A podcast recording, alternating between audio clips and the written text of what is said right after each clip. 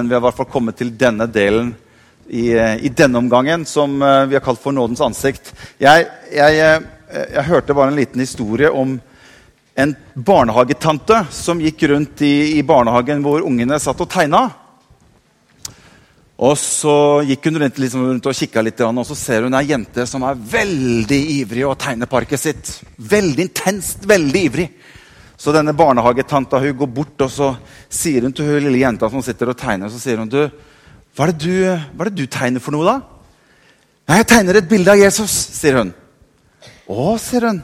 Ja, det er, jo ikke, det er jo ikke så veldig greit å vite for sikkert egentlig hvordan, hvordan Jesus egentlig ser ut.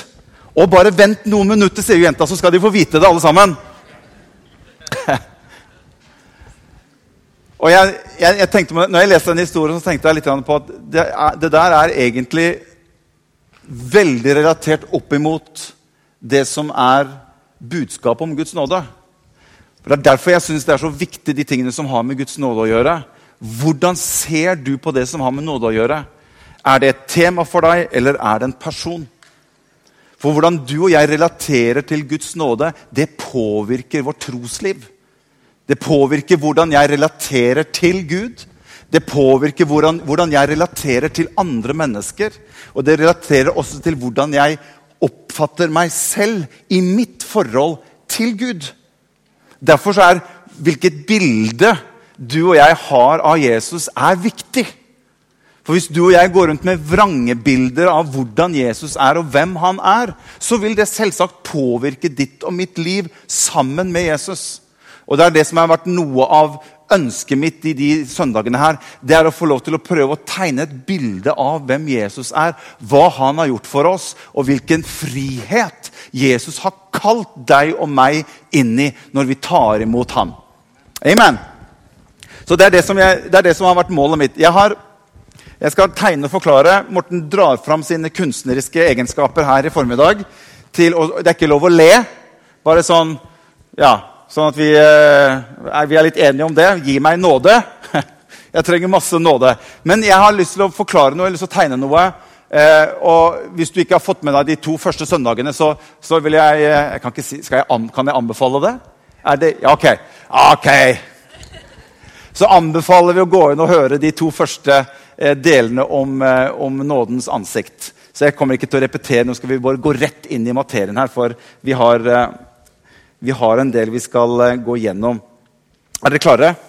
Det er tre ord som jeg har lyst til å, at du skal få med deg her i, i, i, formiddag. som jeg ønsker å dele litt om. Det første ordet du, Har vi noe å viske ut med også, eller har jeg bare en penn? Er det noen som kan bare finne Henger det papir her?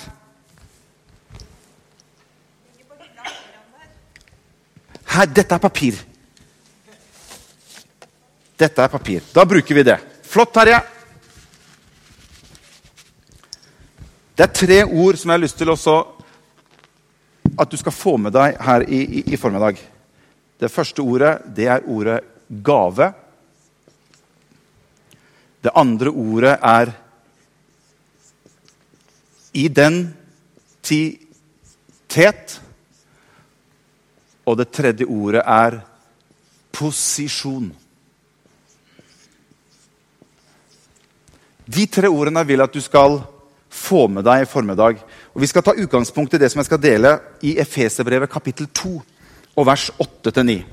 Så Jeg kommer til å undervise og inspirere litt på slutten. Jeg gledet meg veldig til å komme til denne delen av det. Efeserne 2 og fra vers 8.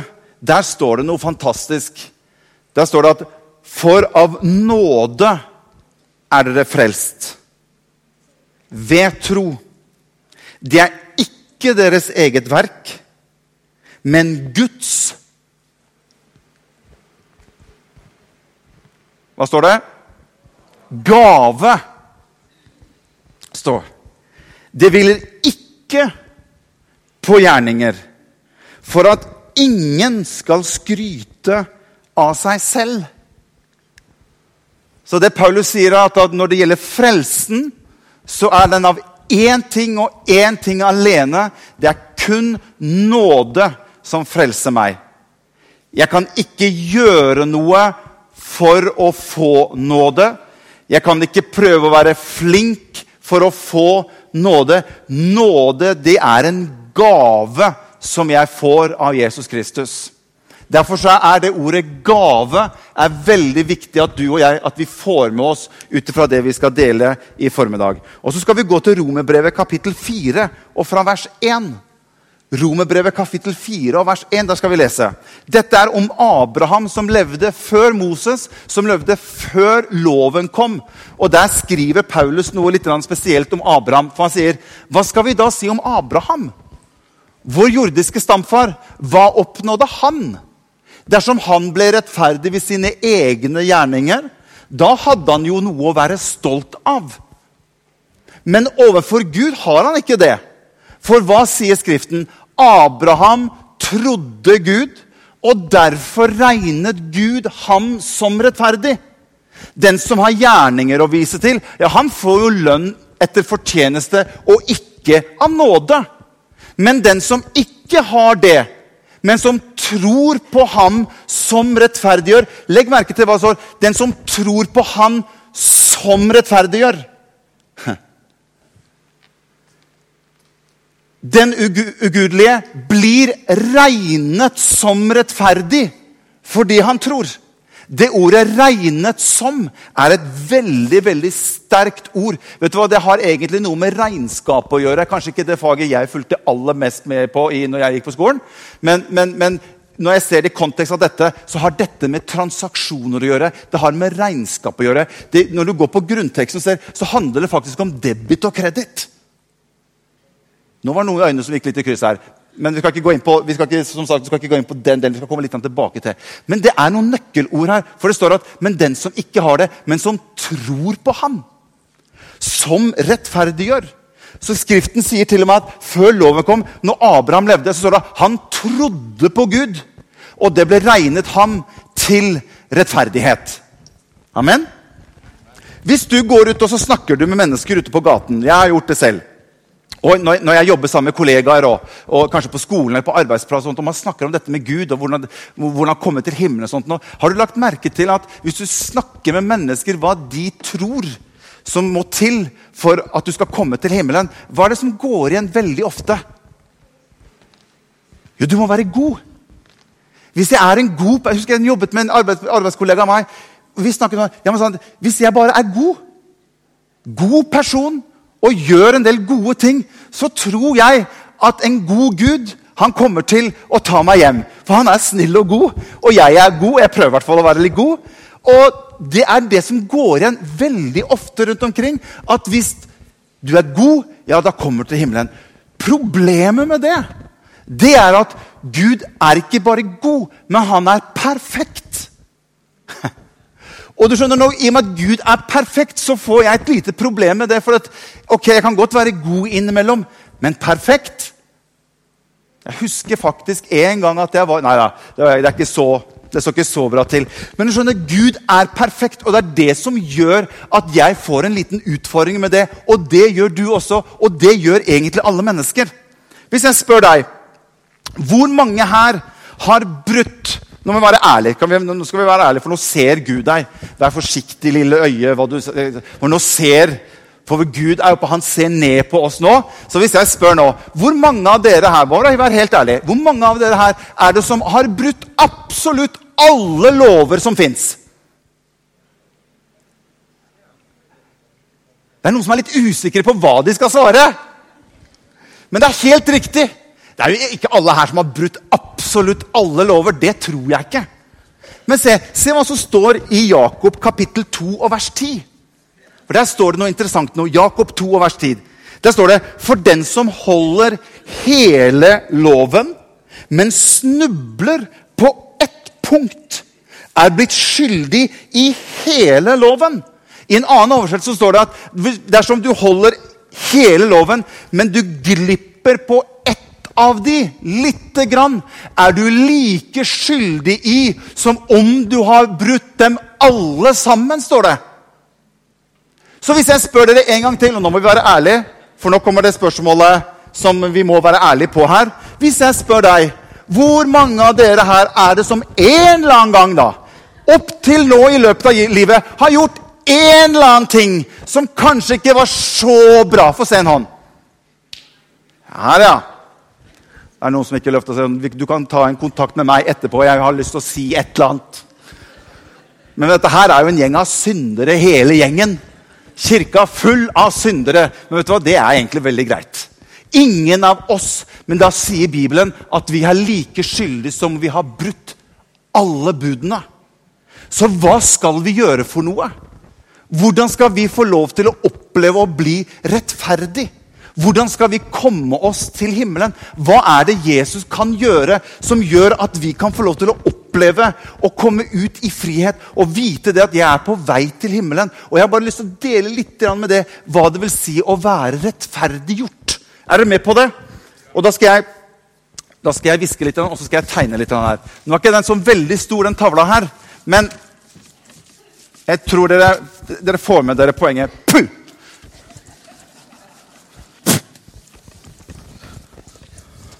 Nå ble det bare mer og mer møkkete, da. Et, vet, du hva?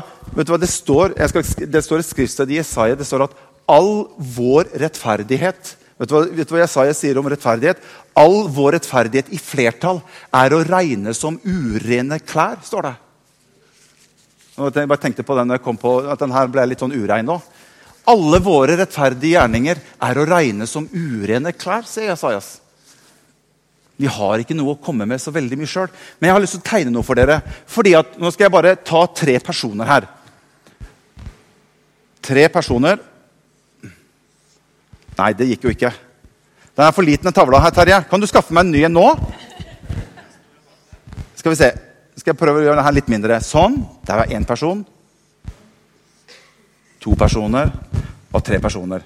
Her, Vi skal ha én person her. Han til høyre her, han er helt perfekt. Hvem tenker dere at Er det noe forslag hvem det kan være? Ja, et godt forslag er Jesus. Da skriver Jesus her. Og så tenker jeg jeg skal bare ta bare noen helt han til venstre her han har vært en sånn skikkelig bad guy før han tok imot Jesus. En ordentlig bad guy. Vi, nå tar jeg bare noe tilfeldig navn her, så jeg, kaller han Morten.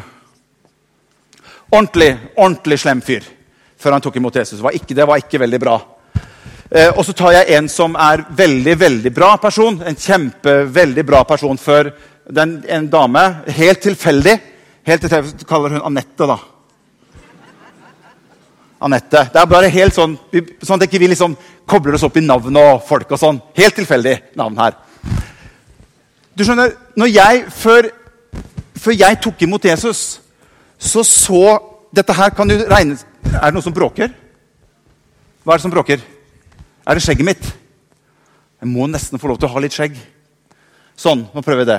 Du skjønner, det som skjer Nei, det kan ikke være skjegget mitt. Skal jeg ta inn den trådløse? Hører hva han sier? Ja. Det som skjer, det er at før jeg tok imot Jesus, så Hvis vi skriver at S er lik synd her, og så skriver vi at R når jeg sier, for det er ikke sikkert dere ser det, R er lik rettferdige gjerninger. Rettferdige gjerninger. GJ, forkortelse. Så, sånn, så det, sånn så det ut hos han, han Morten. Her var det noen S-er. Her var det noen s-er. Sånn som det. Det var sånn. Ja. ja, ok.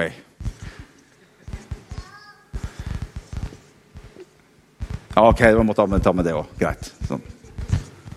Sånn du, skjønner bildet. Sånn så du. Men jeg, jeg, hadde noen jeg hadde noen rettferdige gjerninger også.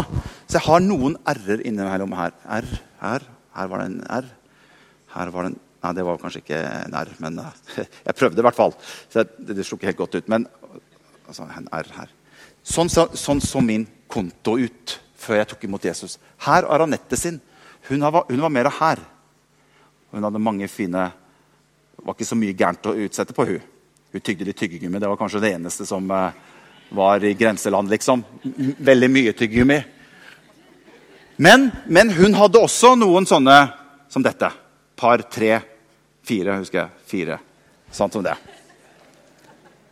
Det var kontoen. Sånn så jeg ut før jeg tok imot Jesus. Og hvordan ser Jesus sin konto ut? da? Her står det bare en stor R. Han var fullkommen rettferdig. Fullkommen rettferdig. Så hva måtte jeg gjøre? Hva, hva, hva, måtte skje for at jeg kunne få lov til å komme til himmelen? Hva, hva måtte skje for at jeg kunne bli verdig til å komme til himmelen? Jo, det er det Jesus gjorde for 2000 år siden. Da står det at han tok all verdens synd på seg. Så det som skjer, er at han ble gjort til synd, sier, står det i, i, i andre Kolossebrevet. Andre Korinterbrev. Han ble gjort til synd. Og det som skjer, er at all verdens synd ble lagt over på han. Og nå skulle jeg hatt et godt viskelær her. All verdens synd ble lagt over på ham. Og det spilte ingen rolle om hvor mange s-er jeg hadde på kontoen min, eller hvor mange r-er jeg For det var ingenting hos meg som kunne, som kunne være godt nok for at jeg kunne få lov til å bli rettferdiggjort for Gud. Ingenting! Jeg hadde ingenting å komme med selv. Så Gud tar og så legger han all verdens synd på Jesus sin konto og gjør hans konto om til synd. Og ut ifra det så kan jeg få lov til å få den rettferdighet som han hadde. Den plasserer han tilbake i min konto. Så jeg blir rettferdig gjort ved han. Jeg hadde ikke kjangs til å gjøre det selv, men han ble gjort til synd for at jeg ved ham kunne få rettferdighet, sier Paulus.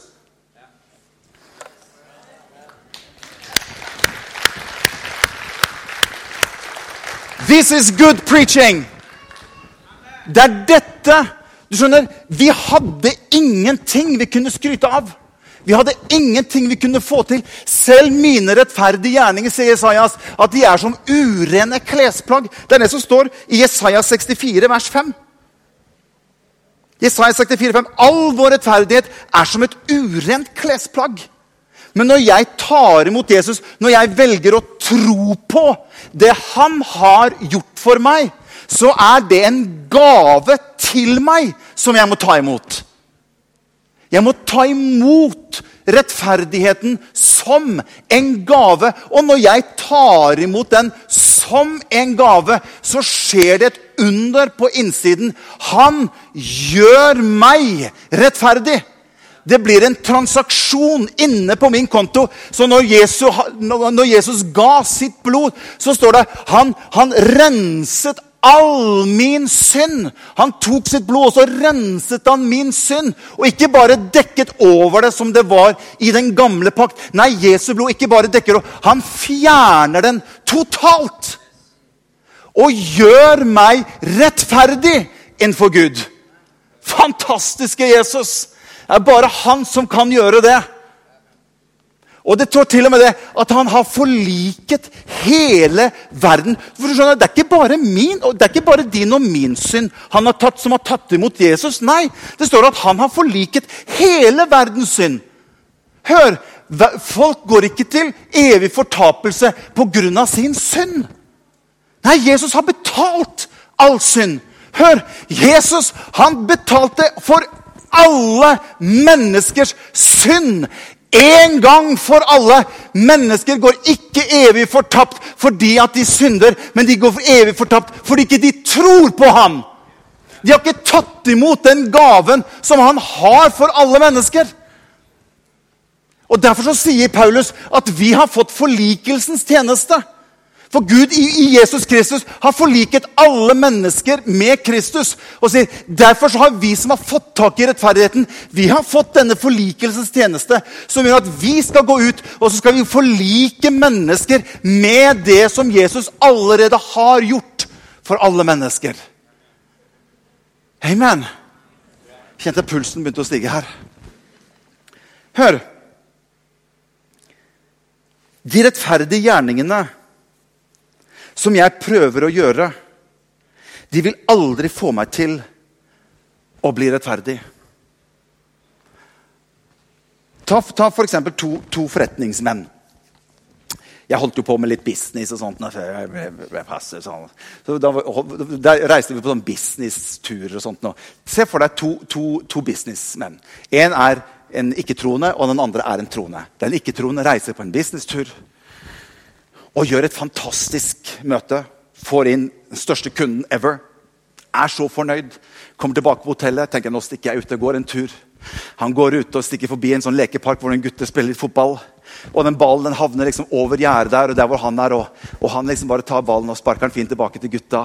Han går videre, og så ser han en litt eldre dame som går med to store eh, sekker med, med, med varer. Han har vært på butikken, hun sliter litt. Grann, og han kommer bort skal jeg hjelpe deg, det ser litt tungt ut. Og han tar de, de, de posene hennes og, og, og, går sammen med henne et par kvartaler bort og inn i leiligheten. som bare hjelper henne. Så kommer han ut igjen, og så går han forbi en tigger som sitter der. og han vet du, altså, vet du hva, Jeg ser at du sliter i livet ditt, jeg har bare lyst til å være med og hjelpe deg litt. Grann. Så han gir litt penger til denne tiggeren. Er det gode gjerninger?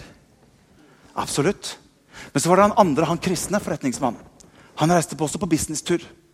Men han mista dessverre den største kunden sin. Og det gikk helt forferdelig på den businessturen. Så når han gikk ut på kvelden for å gå seg en tur, så gikk han også forbi den lekeparken hvor de spilte. Og de sparka den ballen på utsida, og han ble jo litt sånn smårita, for han traff han i skulderen. og han bare liksom høgg til, Så han bare sparker den ballen videre, og en buss kommer og kjører over den og ødelegger ballen. Og Han kommer videre bort til hun dama som går med de posene her. og Du må ikke tro at han skal gidde å hjelpe. henne. Han bare dytter litt borti så egg og sånt og knuser. og, og, og. Mm. Dette er ikke en fra pinsekirken. ikke sant? Sånn at vi er, vi, vi, vi er klar over det. ikke sant? Og, kommer bort og ser han der fyren som, som sitter og, tigger. og du, 'Kan ikke du bare få deg en jobb som andre?' og, Det var ikke så bra, det. Men hør. De, de gode gjerningene som han ikke-troende gjorde, ville de godkjennes for, for, for, å få han gjort rettferdig? Nei. Men de dårlige gjerningene som den troende gjorde, vil de medføre at han blir regnet som ikke-rettferdig? Nei. For det var ingen gjerning som kunne få deg og meg frelst. Det var hans rettferdighet som han innpodet i ditt liv. Og det er det som skjer når du og jeg blir rettferdiggjort. Så får vi en ny posisjon. Posisjon. Det er ikke gjerningene mine som posisjonerer meg innenfor Gud, men det er han som posisjonerer meg innenfor Gud. Ved at han har gjort meg rettferdig innenfor Gud. Henger du med? Og Det er dette som jeg opplever noen gang at vi, vi, vi, vi sliter litt For vi, føler noen ganger at ja, men, hvis jeg kommer med en gave til deg, så sier du ja, å nei, det er jo altfor mye. Vi nordmenn sier liksom, å nei, det er altfor mye. Vi har vanskeligheter for å ta imot en gave. For vi ønsker gjerne litt selv å gjøre oss litt fortjent til når vi skal motta noe som er godt og noe som er bra. Men rettferdigheten er en gave, sier Bibelen, som vi tar imot. Som ikke vi kan få til i egen kraft uansett. Derfor så står det i 2. Korinterbrev 5,17 så står det dersom noen er i Kristus, er han en ny skapning. Husker du det andre ordet? Identitet. Identitet identitet. Han er en ny skapning i Kristus. Og så står det 'Det gamle er forbi. Se, alt er blitt nytt'.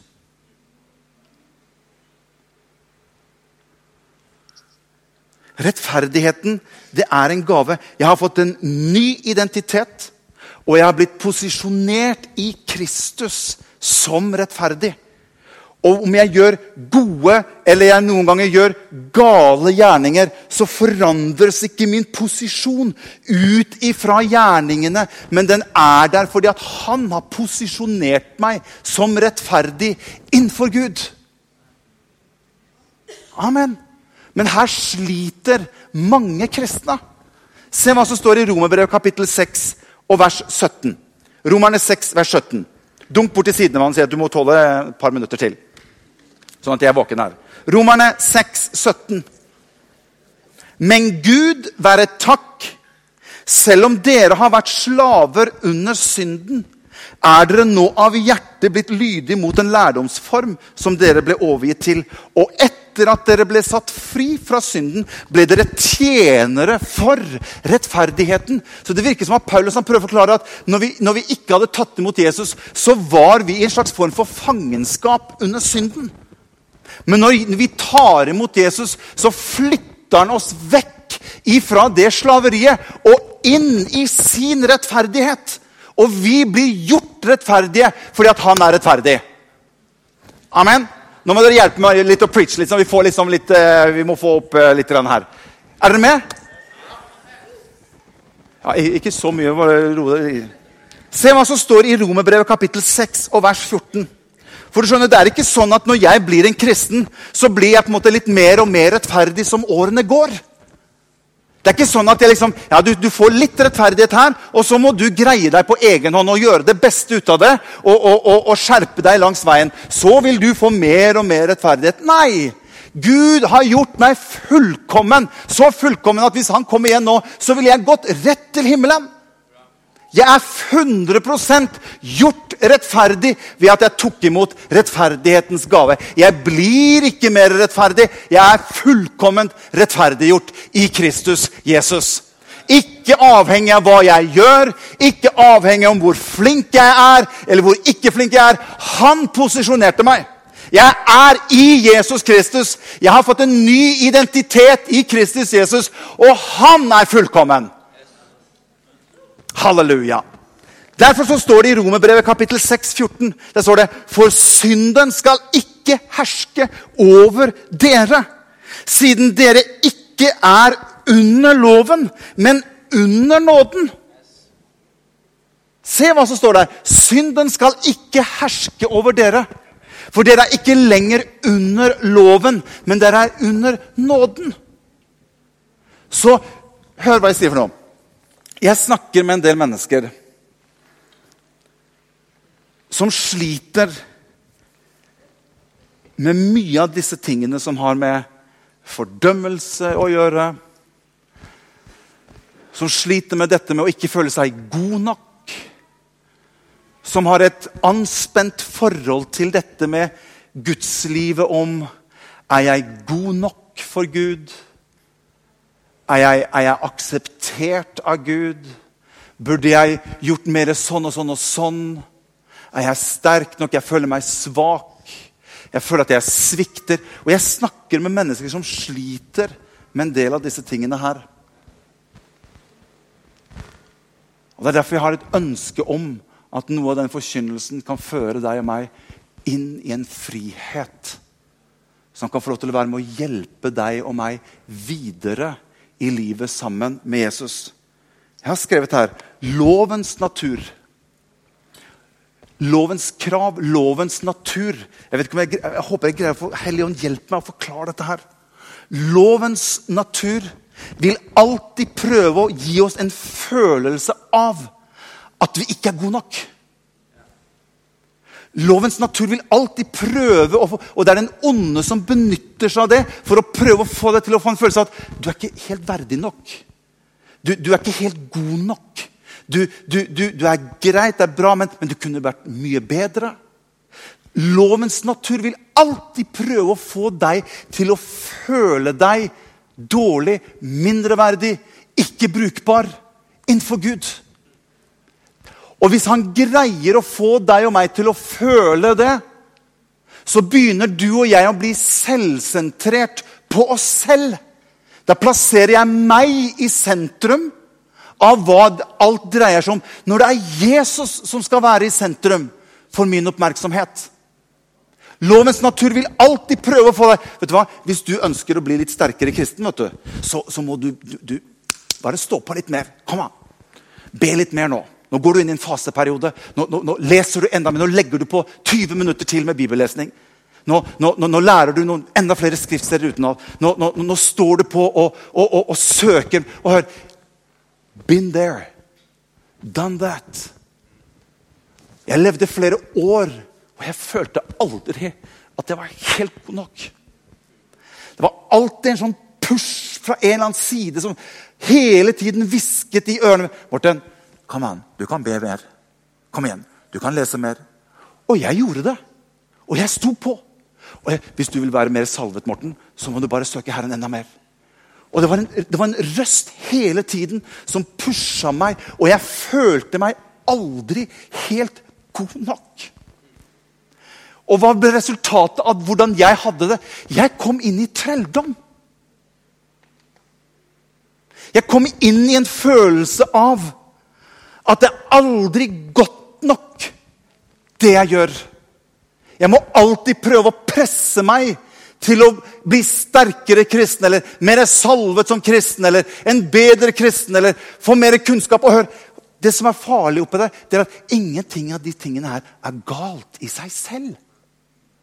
Men hvis det er lovens natur, hvis det er lovens røst som får lov til å snakke til meg Og veldig ofte så bruker den onde disse knepene for å få deg og meg inn i et spor hvor det ender ut til å bli trelldom i livet vårt. Og hør, trelldom det bærer ingen frukt. Fordi at plutselig blir sannheter i Guds ord. Det gjør jeg om til gjerninger i livet mitt. Sånn at når jeg gjør noen gjerninger, så skal jeg på en måte prøve å se Da får jeg liksom Nå har jeg vært så flink. Så nå, Gud, nå må du vel. Sånn at, på en måte som at jeg gjør noe som gjør at Gud skal skylde meg et eller annet. Han har gjort meg fullkommen. Og jeg har vært i dette selv. Og jeg snakker med mennesker som sliter med disse tingene her. Og jeg vil si én ting. Når jeg oppdaget at Gud syns like mye om meg, uansett hva jeg gjør, så har det fått lov til å være det som motiverer meg i livet mitt. Og jeg kan si med på, hånd på hjertet Hør, jeg ber mer. Jeg søker Guds ord mer. Jeg er mer i hans nærhet nå enn noen gang før i mitt liv. Men det er ikke ut ifra at jeg aldri føler meg god nok. Men jeg føler at han er god nok. Og han elsker meg. Og han, om, det er så at det går en dag uten at jeg tenkte så veldig mye på Jesus, så skal jeg slippe å komme inn i hans nærhet og beklage Gud at jeg ikke fikk fulgt opp akkurat sånn som jeg kanskje burde. Og så møter jeg en slags form for at jeg må stå til regnskap for Gud. Han har betalt alt. Han har gjort alt. Det er ikke noe du eller jeg kan legge til. Han har bare en mulighet åpen for oss hele tiden. Derfor så sier Bibelen at, at det finnes ingen fordømmelse for den som er i Jesus Kristus.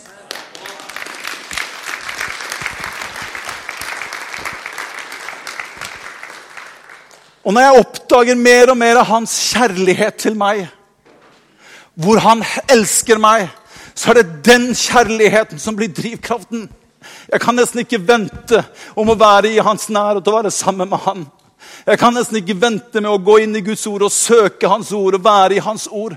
Fordi at det er en annen drivkraft som er i meg. Det er Hans kjærlighet mot meg som gjør at jeg får en forandring på innsiden. Det er Hans godhet mot meg som driver meg, som Peter sier, til omvendelse. Så la oss aldri legge menneskelige ting på et nivå som gjør at hvis ikke du gjør, så får det en konsekvens fra Guds side. Og hør, Jeg er helt for å ha gode disipliner og, og, og gode måter å, bruke tid for Gud.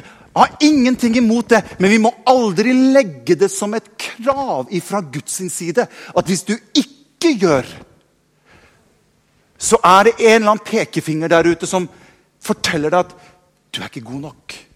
Du svikta litt forrige uke. Du er ikke bra nok. Da prøver den onde å dra meg ut av balansen min. For jeg har fått en ny posisjon, jeg har fått en ny identitet. Og hør, I Bibelen så står det noe om den disippelen som Jesus elsket. Er det noen av dere som har fått med dere det? Det står to eller tre ganger i hele, i hele Bibelen, i hele Nyttestamentet. Disippelen som Jesus elsket. Vet du hvor det står hen? Det står i Johannes evangeliet. Johannes han skriver Når jeg leste det Johannes han skriver om seg selv som disippelen som Jesus elsker. Johannes han hadde fått vekk oppmerksomheten fra seg selv og over på han som elsket ham. I Gamle testamentet var det sånn at jeg måtte for å få han til. I den nye pakt så har han gjort alt ferdig for meg. Noen ganger så har vi så mye oppmerksomhet og fokus mot oss selv. Hvor mye jeg elsker Jesus. Og jeg burde elsket Jesus mye mer. Og nå har jeg elsket Jesus litt lite i det siste. Du og jeg vi trenger å gjøre som Johannes og bytte fokuset. Tenk hvor mye han elsker meg. Tenk hvor mye han elsker meg. Hvis det begynner å bli ditt og mitt fokus, så skal jeg love deg at ditt liv kommer inn i en frihet som ikke kommer til å ende ut i at du og jeg kommer til å synde noe mer eller gjøre dårlige ting. Det er det livet som gjør deg og meg fri ifra synden. For han greier ikke lenger å få noe tak på livet mitt. Mindre og mindre. Og jeg kan si for meg selv jeg syndet mye mer når jeg hadde et liv som var i trelldom, enn det jeg gjør i dag. Jeg opplever en mye mye større frihet, og jeg opplever mye mindre at den onde får tak i meg, fordi jeg har oppdaget at det kommer ikke an på meg, men det kommer an på han. Jeg fikk det ikke til allikevel, men han fikk det til for meg. Og jeg kunne få lov til å ta imot han. Og i dag får jeg fokuset på Jesus. Jeg takker deg for hvor mye du elsker meg, Jesus. Du elsket meg så høyt at du ga ditt eget liv for min skyld. Og det er mitt fokus. Det er å leve innenfor nådens ansikt. Han er ikke ute etter å fordømme deg og meg. Han er bare ute etter å gå sammen med oss og være deg for deg og meg. Kan vi ikke reise oss opp, alle sammen? Takk for at du har gitt meg litt tid. Halleluja. Et skriftsted til slutt. Du kan komme lovsangene fram her. Et skriftsted til slutt som står i Titus 2, 11 og 12. Se hva som står her. Du skjønner, Nåden den dreier seg om en mann som heter Jesus Kristus. Det står at for Guds nåde er blitt åpenbart til frelse for hvor mange mennesker?